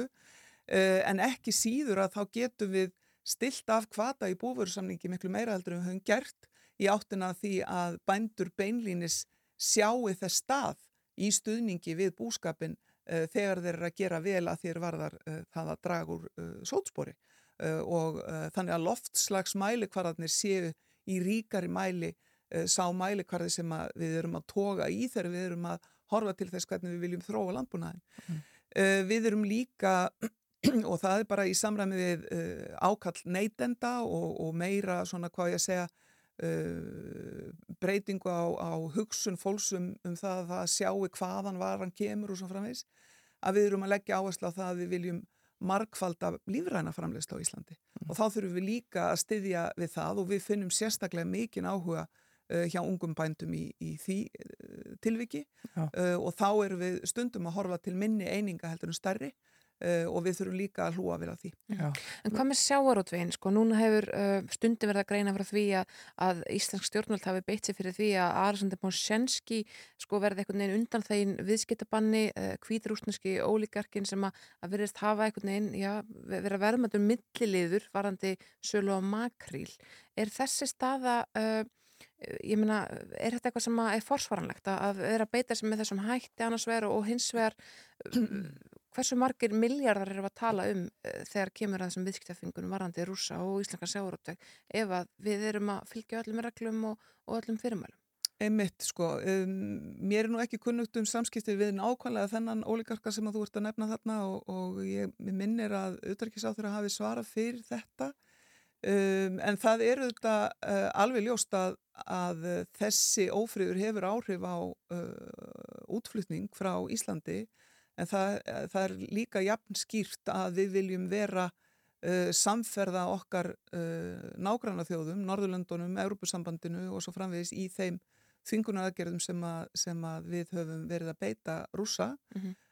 og uh, eftir því sem að ég kemst næsta þá er raun og verið næsta skrefið uh, happan sem er í pípunum gagvart rúsum um, það auðvitað hefur heilmikil áhrif og, og þar, þar þá að horfa til þess að, að abla þeirra markaða sem að uh, koma í staðin en hins vegar að þá hefur þetta ekki verið stór breyta uh, nákvæmlega það sem þú nefnir í heildarmyndinni en við erum auðvitað með gríðarlega mikla hagsmunni þarna varðandi sölu á þessum uppsjáðategundum uh, og, erum, og fylgjumst mjög vel með þeirri þróun sem þarna er.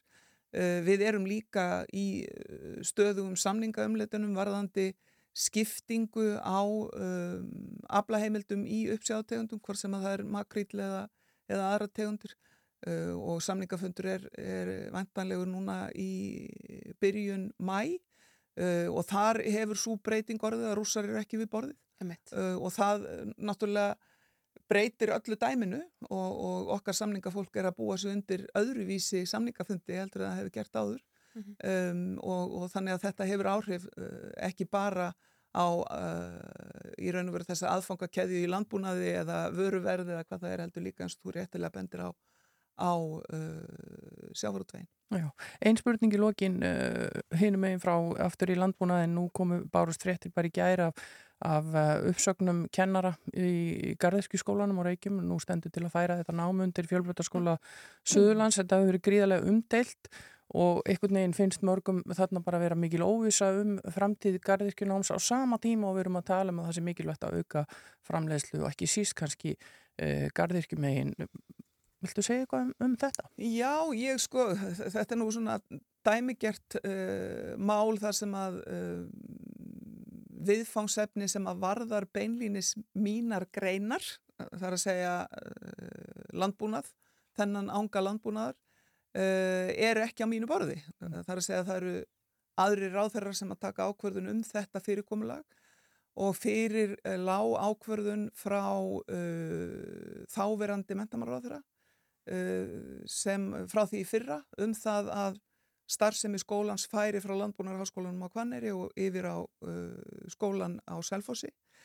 Um, eftir því sem að ég þekki málið best að þá skiptir alveg gríðarlega miklu máli að, að hlúa vel að uppbyggingunni, uh, húsnaðinu, tækjakostunum og ekki síst því sem að maður hefur mik á, miklar ágjur af sem að er uh, bara mannöðurinn og þekkingin í greininni til þess að það sé að hægt að halda þessari kennslu áfram. En er þá ekki Því, slæmt að segja upp já, öllu þessu helsta fólki ég, í kennslunni? Ég hef ekki sko tök á því að setja mig nákvæmlega inn í það hvað, hvað leikur þar að baki mm. en eftir því sem að mér er sagt að þá mun mentunin halda áfram uh, þó það sé í öðru skólaumhverfi uh, og ég mun fylgjast með þessu vegna þess að uh, það skiptir alveg gríðarlega miklu máli að það séu allar fórsendur fyrir hendi mm. til þess að koma til mótsvið það hversu mikið af ungu fólki vil sækja nám uh, á þessu sviði. Svandis, við getum ekki sleftir á þess að spurja það aðeins um félagsand vinstri grætna um sölun á Íslandsbanka í gerðkvöldi. Hvað fór fram á þessum fundi? Það var nú svo óhefilegt að ég var ekki á þessum fundi uh, vegna þess að ég var í leikhúsi uh, en annars var uh, fundurinn mjög vel sóttur, hann var á netinu. Uh, mér skilst að það hafi verið millir 70-80 manns og þarna hafi farið fram umræður um ímismál og, og náttúrulega kannski fyrst og fremst það sem er efst á baui Uh, núna í pólitíkinni sem er sala á hlut eh, ríkisins í, í Íslandsbanka og þessum hlut sem var undir núna í síðasta uh, hluta sölunar uh, fólk vildi líka ræða sveitastöndakostningar og ímislegt þeim tengt. En sjálf var ég ekki á fundunum þannig ég get ekki lagt nákvæmlega mat á það hvernig umræðan var. En við höfum langa sögu af því í Vafgi að tala mjög opið og vera tilbúin í það. Mm. Var að hýta á þessum fundi, veistu það? Var, var hart uh, hérna leið á, á fórstuminu flokksins? Nei, sko, ég, ég, bara, ég bara er ekki til frásagnar. Ég Nei. heyrði það bara að fólk hefði spurt og, og, og það hefði fengist svör og, og fólk hefði skipst á skoðunum og það eru þetta deildarveiningar um þetta eins og allt annað og bakland og græsótt vinsti græna er e, kröfuhörð hefur verið á og mun vonandi verið það áfram. Og stendur ríkstjórnan áfram styrkum fótum? Já, já, já. Svandi Sávarsdóttir, matvalar á þeirra takk kærlega fyrir komina í morgunútvarpið. Uh, við förum að ræða önnum mál hér eftir skamstundulda. Já, eins og við nefndum hérna stutlega áðan að þá eigum við eftir að fá fleiri gesti. Það er alltaf að koma til okkar eftir eh, augnablík. Það er Svala Jóhannesdóttir og Elín Guðni Gunnarsdóttir. Það eru uh, tværa þremur sem að standaða baki þessum nýju samtökum um skadamingun og mannréttindi jaðarsetts fólks uh, sem að þeir nefna Matildi og við ætlum að fræðast betur um þetta hér eftir frétta yfirlitið sem að fer í lofti núna á slæginu klukkan hálf nýju og svo ætlum fá að heyra af því hvernig gengur.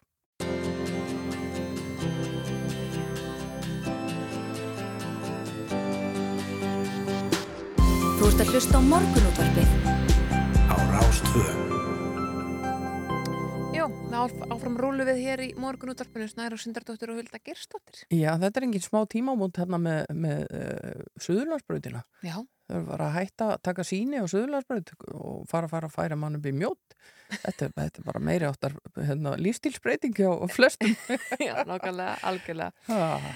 Algjörlega, en uh, höldum áfram. Mattildur, samtökum, skadamingun og mannréttindi jáðsets fólks voru formlega stopnuð í gær af þreymur konum sem búa yfir viðtekri reynslu og þekkingu af skadamingun og mannréttindum jáðsets fólks á Íslandi. Það eru komvaninga til okkar Svala Jóhannsdóttir og Elin Guðni Gunnarsdóttir, tvær af þreymur stopnaðurum Mattildar. Uh, Já, herðu, við erum Nú. bara í rugglunu hérna. Nú, ég fekk senda þessi nöfni hérna. Algjörlega, það eru Já, Svala já. Jóhannsdóttir og Og Sigrún. Sigrún sem eru komnar hinga til Alveg okkar. rétt.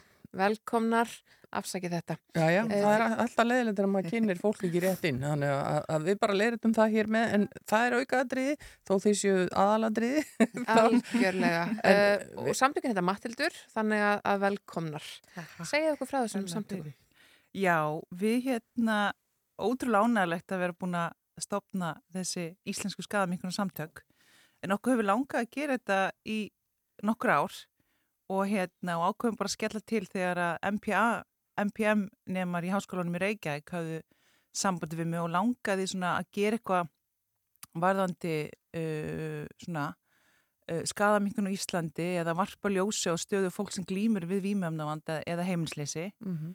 Og í samtalenu við þau með okkur þremur, mig, Sigrúnu og Elínu, að það kom það bara svona mjög fljótt í ljósa að það sem væri kannski mikilvægst núna svona fyrir skadaminkunum í Íslandi væri að, að stopna svona góð skadaminkunar samtök uh, og með þeim svona reyna að auka þekkingu almennings á hvað skadaminkun er og af hverju skiptir þetta máli og og af hverju eigum að vera svona stolt og ána með það að, að Ísland hefur verið að, að auka mikið skadaminkandi úrræði Mhm. og nálgun á, á síðustu árum. Já, við erum þetta svolítið búin að fjalla um það eins og til dæmis það sem að frú Ragnhildur gerir og, og, og en, en svona samtök eh, þetta er ekki samt opin, þetta er ekki að við um ofinbæra aðila, þetta er bara ykkar framtak. Já, þetta er bara alveg okkar hérna, framtak og, og þetta er félagsamtök Já. og við ákveðum að byrja bara svolítið þrjár og, og nýta þetta einstakar tækifæri við rauninni frá MPM-nefnunum og þau eru búin að hjálpa okkur rosalega mikið um, og í rauninni bara svona hérna byrja, gera allan grunninn og svo í rauninni opna fyrir aðild vonandi í, í haust en við höfum fengið rosa mikinn áhuga sína við byrjum Mhm. mjög margir að hafa samband Já. og langar að hérna, taka þátt og, og hérna, já Svala, þú varst auðvitað uh, sko yfir frú Ragnheiði á tíma verkefnastöru þess en Sigrun, þú hefur verið í réttagjastlu lögmaður í ákveðin Já, tíma. já. Uh, hvernig, hérna, hvernig er að þjónusta þann hóp, þennan hóp sem að, uh, já, er jáðarsettur vegna fíknavanda síns uh, í gegnum lögmennskun? Já, það er bara, bara eins og með hverja aðra hópa en hérna, það er kannski sem að enginnir svolítið þennan hóp er þetta svona, maður finnur rosa mikið mannmátt. Mm. Það er mikið, er mikið að hérna, lenda einhvern veginn á veggjum og mikið að hindrunum, svona ósynlegum hindrunum oft sem að hérna, fólk gerir sig ekki grein fyrir og svona heilt yfir að þá erum við uh, bæði með aðtöfnum okkar og aðtöfna leysi svolítið að bregðast og rauninni bara brjóta mannréttindum þessa hóps. Það er hérna bæði svona ákveðin hérna vannræksla á þeirra grund og allar réttindum að því að við erum öll bara manneskjur uh, og eigum rétt á, á ákveðinu vend og, og þessi réttindum líka þannig að hérna, bæði erum við að vannrækja hérna, vissi réttindi og svo erum við líka með svona eins að handtóskendar valdbeitingar gagvart hópnum. Mm, er eins, eins og hvað? Meina, hva, hvernig til dæmis tekur lögreglun á þessum hóp ef að áhun með brotið? Já, um, sko þeir eru í miklu svona erfiðari stöðu til að- fylgja sínu réttindum og standa á sínum rétti og lögreglan, að það er alltaf mín, mín reynsla og ég er búin að vera mikið að vinna akkurat í, hérna, í þessu verkefnum að aðstofa fólk við að sækja rétt sem til bóta ef að uh, þeir hafa orðið fyrir valdbeitingu lögreglu. Um, og, og það er svona, maður sér ákveðin minnstur í því að það er miklu meira handháskend valdbeiting uh, þegar kemur þessum hópi. Að lauruglan hafa, hafa miklu meira afskipti að, að oft bara rauninni engu sérstökum ástæðum þannig að ég er að fá til mig mikið af einstaklingu sem eru bara mjög brotnir og, og mikil áfalla saga er rauninni bara beint tengt lauruglu Mm. þetta er alveg meira átt að mála að verða fyrir svona valdbendingu bæði uh, ef það leitað á þér og svo ef það vart frelsisvistur. Það er bara fyrir hver, hverja mannesku verið að setja inn í fangaklefa og jafnvel viti ekki af hvað ástæðum það er, er bara ofsalega svona traumatist. Mm. Og þegar þetta eru einstaklingar í þessari veiku s- sem sagt stöðu með kannski þungan vímefna vanda að þá ertu í rauninni þá eru þeir margvælt viðkvæmari. Já, en en samtökin ykkar uh, sko í praktík, hva, hvað munuði geta gert uh, Já, fyrir já. fólk? Ég meina verður eitthvað skonar aðstafa til Já. staðar eða, eða uh, tímar sem þið geti hitt fólk eða hva, hvað ætlið að gera? Já, við ætlum að byrja með að miskusti, hérna, við ætlum að vera með uh, lagfræðilega ráðgjöf fyrir þennan hóp og við erum eftir að útfæra það, sko, hvernig er auðvitað best að nálgast hann. Að, hérna, og við erum að vinna núna og fengum styrk, uh, erum að vinna að réttindaspjöldum. Það er svona eins og lítil spjöld, svona eins og vísakort, það sem að það er spurning öðrum megin um eins og konar grunn réttindi og svo hérna, snýrði við að þá færðu bara svona alfa mannamáli Já. uh, svara við þeim. Já, bara hjálpa þá til við að fræða fólk um Já, sín réttindi. já, já. Já. Svona hugmyndin er einhvern veginn líka að standa vörð um í rauninni mannirtinu fólks sem notar vímöfnu í Íslandi og líka þá sem eru að glíma við heimisleysi Mm.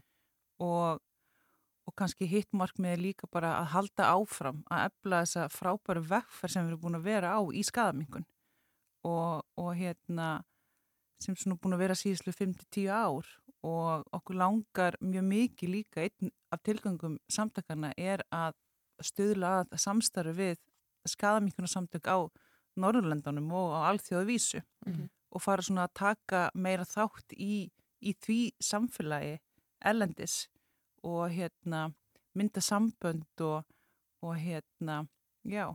Já, uh, samtökin heita Matildur og það kemur ekki til bara alveg upp úr þörru. Uh, Nei. segja okkur aðeins frá því.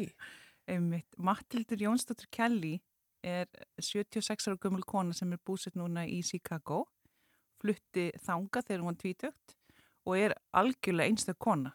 Og ég var svo heppin að fá að hitta hana fyrst 2015 og hérna og hún í rauninni flytur út um tvítökt og, og, fljótlega svona fyrir að þróa með sér mjög alvarlega vímefnavanda og verður heimislaus og er þar á götunni í 15 ár.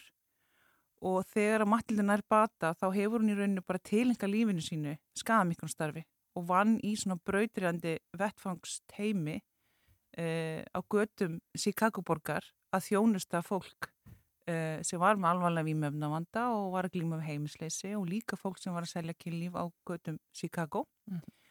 og, og hérna hún er bara algjörlega einstök og hérna og okkur hefur alltaf langað að heyra þessa konu Já.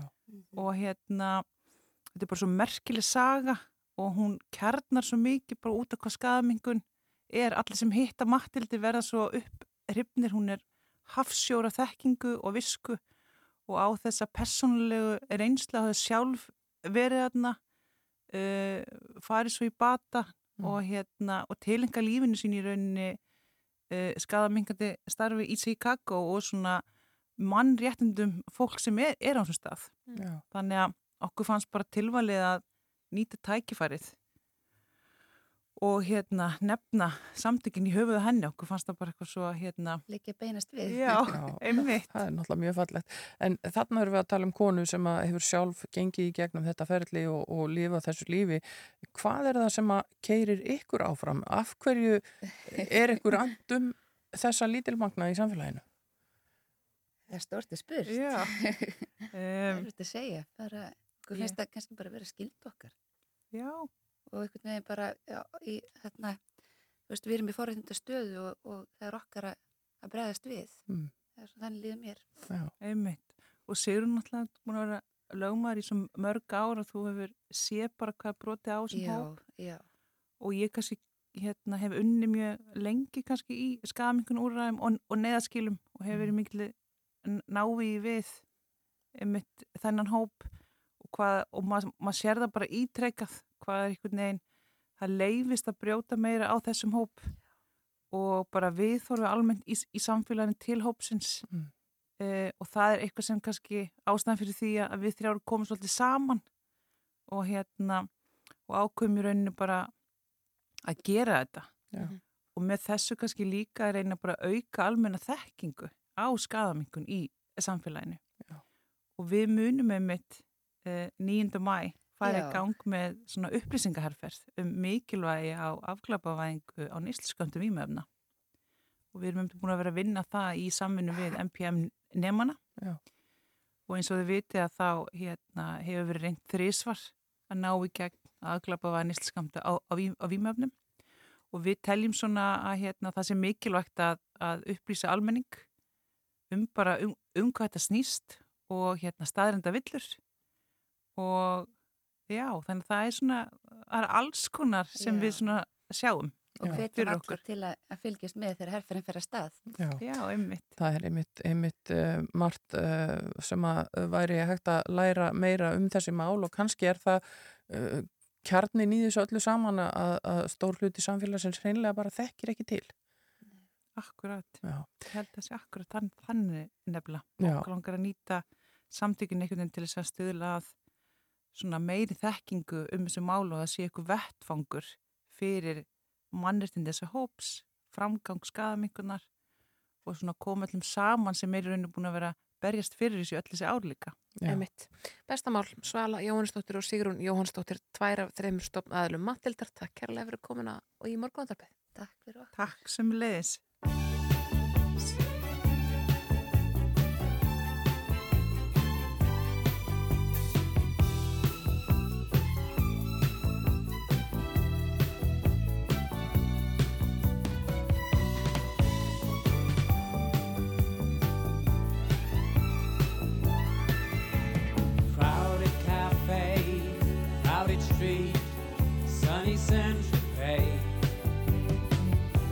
Girl all alone. She likes it best that way. Pays a bill, leaves a table, what he makes a breeze.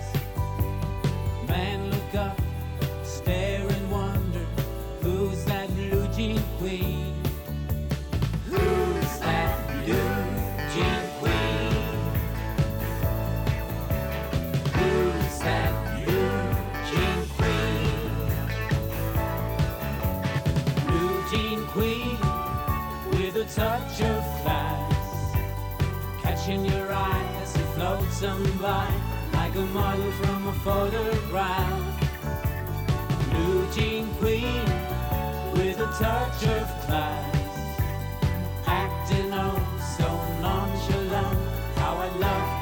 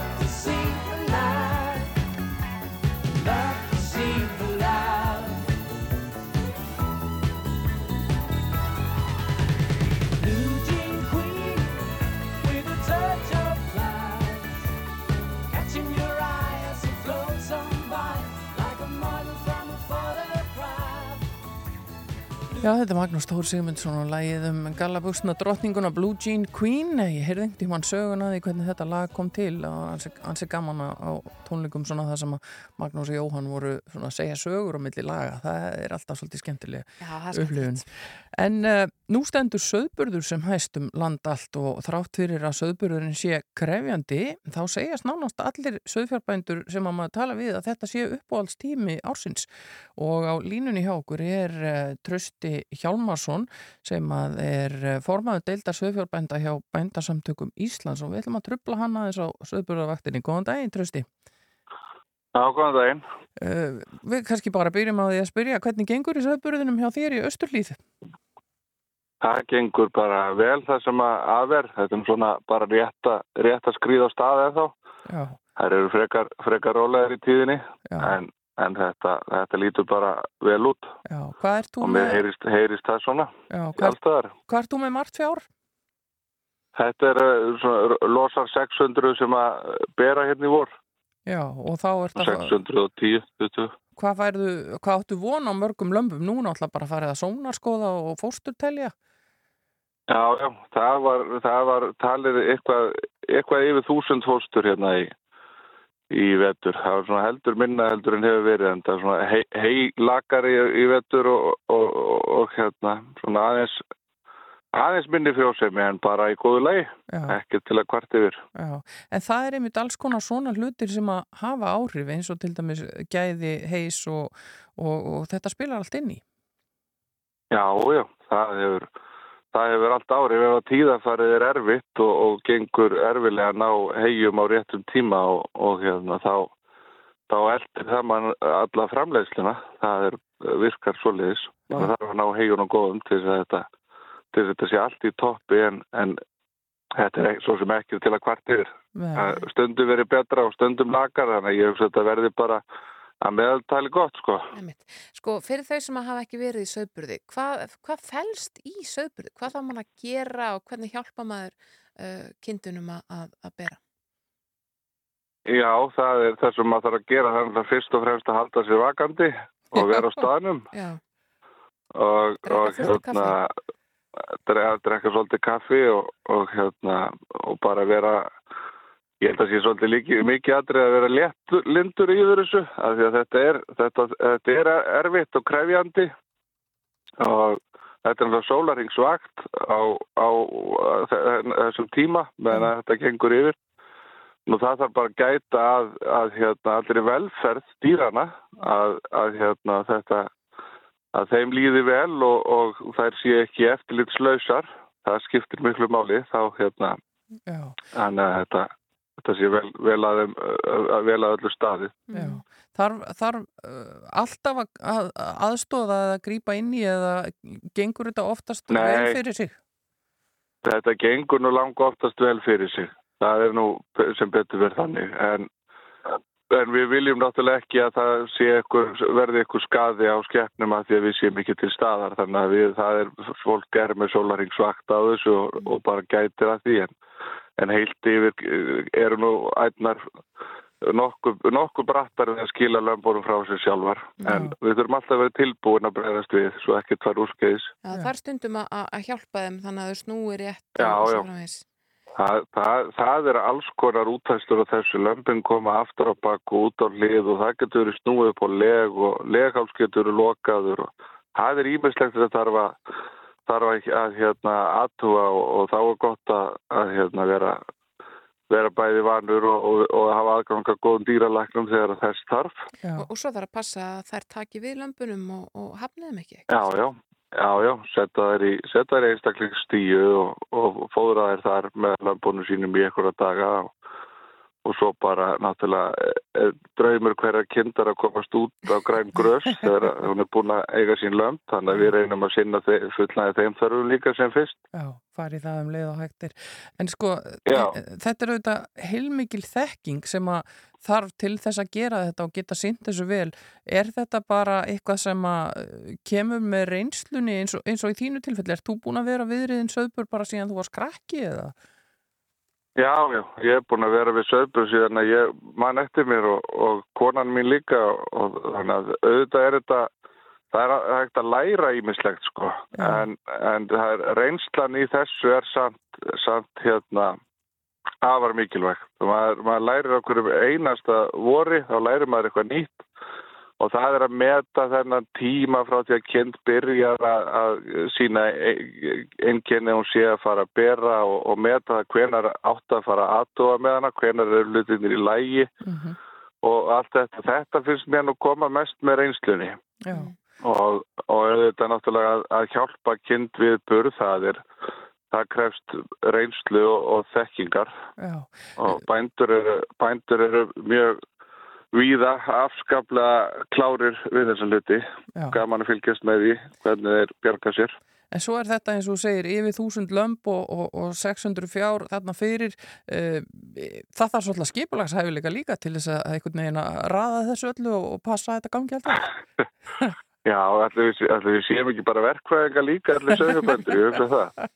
Það er ábygglega mikið til í hérna því Já, já, er, þetta er hérna, það þarf að vera með gott kerfi, það þarf að vera með, vera með aðstöði í húsunum þannig að, að hérna, þetta sé, sé sem, sem auðveldast fyrir mann að, koma kindum í, úr sem sagt, þar sem það er allar saman og, og inn í sína einstaklingstíu og svo þaðan og út á kerru og niður á tún eða beint út úr húsum eftir í hvernig aðstæður eru. Mm. Þetta þarf alltaf að vera búið að hugsa áður en að áður en söðbröðu byrjar og setja sem mest að þessar aðstöðu upp og, og vera bara tilbúin. Já. Þannig að já, já, er, þetta er heilmikið skiplagsvinna og fólk við þurfum að vera búin að sjá fyrir hvernig við ætlum að gera hlutina þannig að þið vinnist sem auðveldast. Já, já. Uh, nú, ert þú, þú orðin uh, formaður deildar söðfjárbænda hjá bændasamtökunum. Það eru nýlega þarna breytingar á félagskerfinu þannig að, að landsamtök söðfjárbænda eru ekki til sem slík lengur en, en eru nú deildinnan bændasamtökana uh, þú væntalega svona búin að hitta svolítið mikið af þínu fólki og, og, og svona setja þið inn í málin uh, hver er staðan í söðfjárræktin í dag? Þetta hefur verið erfitt undanfærin ár Uh, hver er tótnin í söðfjárbændum núna? Já, þetta er búið að vera erfitt allt og lengi og, og hérna bara er til miður þannig að hljóðið í sögubendum er búið að vera mjög döft í mörg ár og það er frekar að dopna ef eitthvað er Mm. af því að það getur engin ég meina það getur engin verið tekjulaus endalaust af sinni aðal bú, búgrein þetta er hérna þar sem að sögfjörræktin er, er aðal búgrein eða tekjulind heimila vitt og breyttu landi þar er náttúrulega bara staðan mjög erfið. Fólk er búið að ganga bæði nú á, á, á hérna verallega auði sína og allt og víða hefur maður á tilfinningunni að það sé við farin að ganga líka á andlífu hliðina. Og, og við verðum að fara að sjá til lands í þessu að það komi ykkurar raunhækkanir eða leiðréttingar á, á því verðfalli sem að varð á ylkakjötunum 2017 Já. Þannig að hérna, við bara viðhaldum framleiðslu vilja bænda í sögfjáræktum all land. Það er, við höfum framleiðslu getuna og við höfum þekkinguna og, og hérna, Já. nú er, er þetta bara tíminn það sem við er erum upplifað sem að Já, tíminn er flóið frá okkur, tapa tröstu framleiðsluviljum. Já, Já, já, En já.